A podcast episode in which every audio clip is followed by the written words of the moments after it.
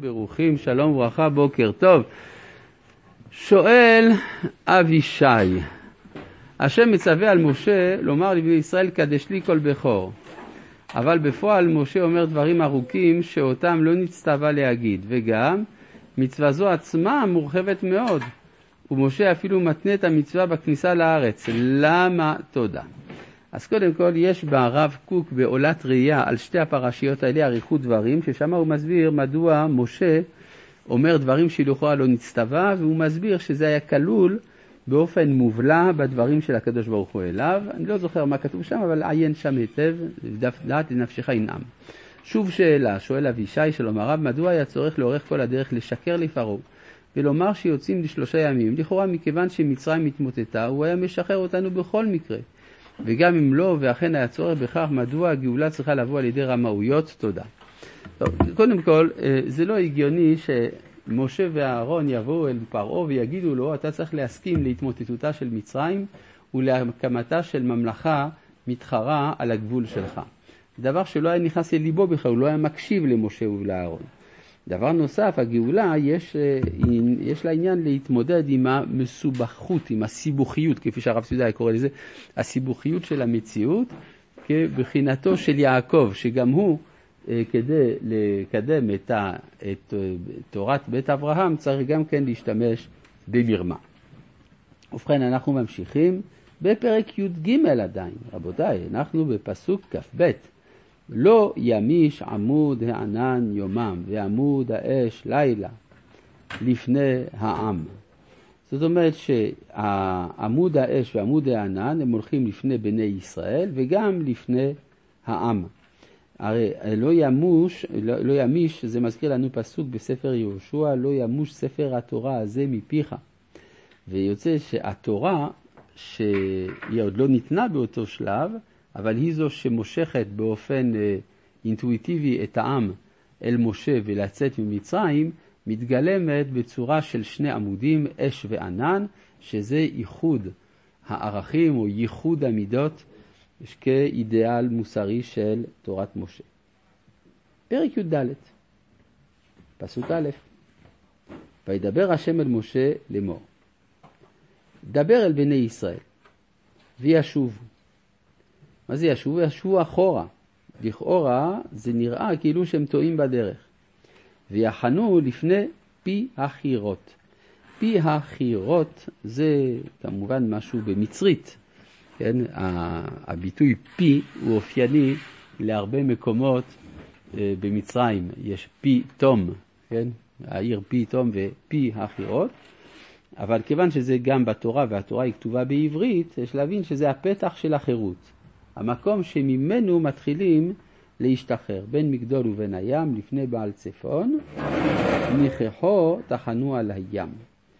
בעל צפון, אם כן, זה האל הצפוני של אה, ממלכת מצרים, והוא הנותן, ככה מובא במדרש, הוא הנותן עידוד לפרעה שיש לו סיכוי. כלומר, אם מכל אלוהי מצרים בעל צפון לא הוכה, אז אולי יש עדיין כוח למצרים, ואמר פרעה לבני ישראל, כלומר לבני ישראל הכוונה על בני ישראל, נבוכים הם בארץ, סגר עליהם המדבר. זאת אומרת, פרעה יבחין שבני ישראל טעו בדרך, וחיזקתי את לב פרעה ורדף אחריהם, וכבדה בפרעה ובכל חילו, וידעו מצרים כי אני השם ויעשו כן. טוב, נשאלת השאלה, מה לא היה מספיק בעשר המכות שצריך עוד נקודה נוספת? עד כדי בסוף להטביע את מצרים. הרי יכולו בני ישראל להמשיך במדבר ולא היה קורה שום דבר. כנראה שיש בירור נוסף שצריכים להיעשות ואנחנו נבדוק אותו. ויוגד למלך מצרים כי ברח העם ויהפך לבב פרעה ועבדיו אל העם ויאמרו, מה זאת עשינו כי שילחנו את ישראל מעובדנו. עכשיו פסוק ה' ממש לא מובן. מה זה ויוגד למלך מצרים כי ברח העם? מה זה ויוגד למלך מצרים? הרי פרעה הוא זה ששילח את בני ישראל. אמר להם תלכו. אז מניין שהם ברחו בכלל, אולי הם רק הולכים. כן. אלא שכפי שהסברנו כמה פעמים, יש זמנים שבהם התפקידים השלטוניים במצרים מרוכזים באדם אחד, הוא גם פרעה וגם מלך מצרים, ויש מצבים שבהם מלך מצרים ופרעה הם שני אנשים שונים. אז אה, פרעה הוא זה ששילח את העם, אבל מלך מצרים בכלל לא שמע על זה. הוא היה בארמון שלו, עם, אה, כמו אה, קיסר יפני מפונק, שלא יודע אפילו את השפה של עמו, ופתאום ויגד למלך מצרים כי ברח העם. לא, אבל פשט הרב שהוא שלח אותה רק לשלושת ימים, לסבוח ולחזור. אבל מה זה ויוגד? הרי מי אמר שהם ברחו בכלל? לא ברחו בכלל. הם הולכים. כתוב בשלח פרעה, זה בשלח? שלח איתם שליחים, שלח איתם אנשים ללוות אותם. זה גם, יש גם פירוש כזה, אז מה? אבל בכל מקרה, מה זה ברח? לא נשמע בכלל שברח, הם בינתיים הלכו. כלומר, ברח העם זה כאילו שברור לו שהם לא מתכוונים לחזור, זה לא מפורש בכלל. ואז, ואז במיוחד שכתוב, ויהפך לבב פרעה ועבדיו. זאת אומרת, אה, פרעה, הרי מה זאת עשינו? כי שילחנו את ישראל. אז הרי זו שילחנו או שהם ברחו? תחליט. אלא עבור מלך מצרים ברח העם. פרעה אומר שילחנו, אבל לא, לא בסדר עשינו ששילחנו. והשאלה היא, למה הם חושבים שלא בסדר ששילחנו? מה אתה רוצה? אפשר להגיד שהם הלכו שלושה ימים, נו. אז הם לא הסתובבו לחזור, ומאז זה נקרא בריחה. לכן הוא גם לא כי ברח העם פתאום. לא עברו שלושה ימים, מי אמר לך? טוב, בכל מקרה, אה, השאלה היא, מה זאת, מה זאת עשינו כי שלחנו את ישראל מעובדנו? מה הוא רוצה? אה, יש, אה, אפשר לומר שפרעה לא היה אדם קטן.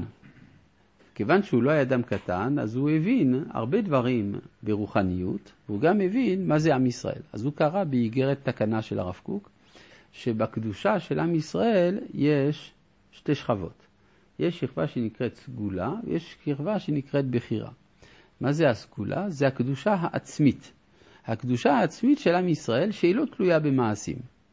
לעומת זה, יש, אה, יש קדושה שתלויה במעשים, זה נקרא קדושת הבחירה.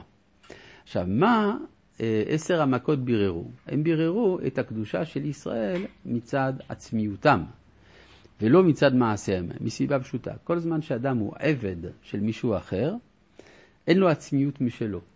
קצב החיים שלו נקבע על פי קצב החיים של האדון. זה העבדות. אז כל זמן שהם לא יצאו, אי אפשר היה לבחון אם עם ישראל זכאי לצאת ממצרים מצד הבחירה ולא רק מצד הסגולה. אז עכשיו הם אומרים, טוב, עברו כמה ימים, אחרי מספר ימים, אז כבר הם מתחילים לפעול באופן עצמאי, ואז צריך לבדוק האם באמת מצד הבחירה הם ראויים ליציאה.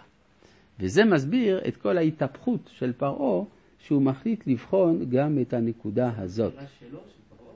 מה? לא הבנתי. בחירה של מי? בחירה של ישראל. האם עם ישראל מבחינת עולם המעשים שלהם, מבחינת הבחירה שלהם, האם הם באמת זכאים? הם לא יותר טובים ממצרים, כן? איך אמר, כתוב במדרש, ששר של מצרים אמר, הללו עובדי עבודה זרה, והללו עובדי עבודה זרה, מדוע אתה מציל את אלו מפני אלו, או מאבד אלו מפני אלו. כן? כלומר, אלה עובדים לאלוהי מצרים, ואלה יש להם חוט אדום מסביב, לצ... מסביב למרפק, אותו דבר. פרעה רוצה לבחון את זה? מה? איזה, איזה בחינה של פרעה, איזה אפשרות לבחון את זה? אז זה מה שהתברר כאן. זה התברר כאן אנחנו, על ידי שמצרים רודה בנושא החיים. אנחנו מיד נראה את זה. במידה ותהיה לנו אפשרות. אם לא, זה יידחה למחר או למחרתיים, מי יודע. כן. אה, ויאסור את רכבו ואת עמו לקח עמו וייקח שש מאות רכב בחור וכל רכב מצרים ושלישים על כולו. אז יוצא פה זה, שזה צבא עצום מהרבה בחינות, כן?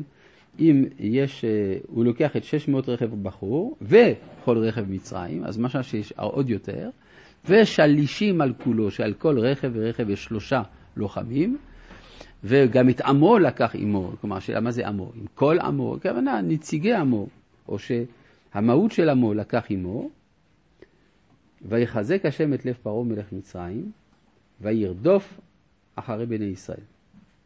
ובני ישראל יוצאים ביד רמה. מה זה בני ישראל יוצאים רמה? זה הקבוצה החמישית. אלה שיוצאים אפילו בלי לפחד משום דבר.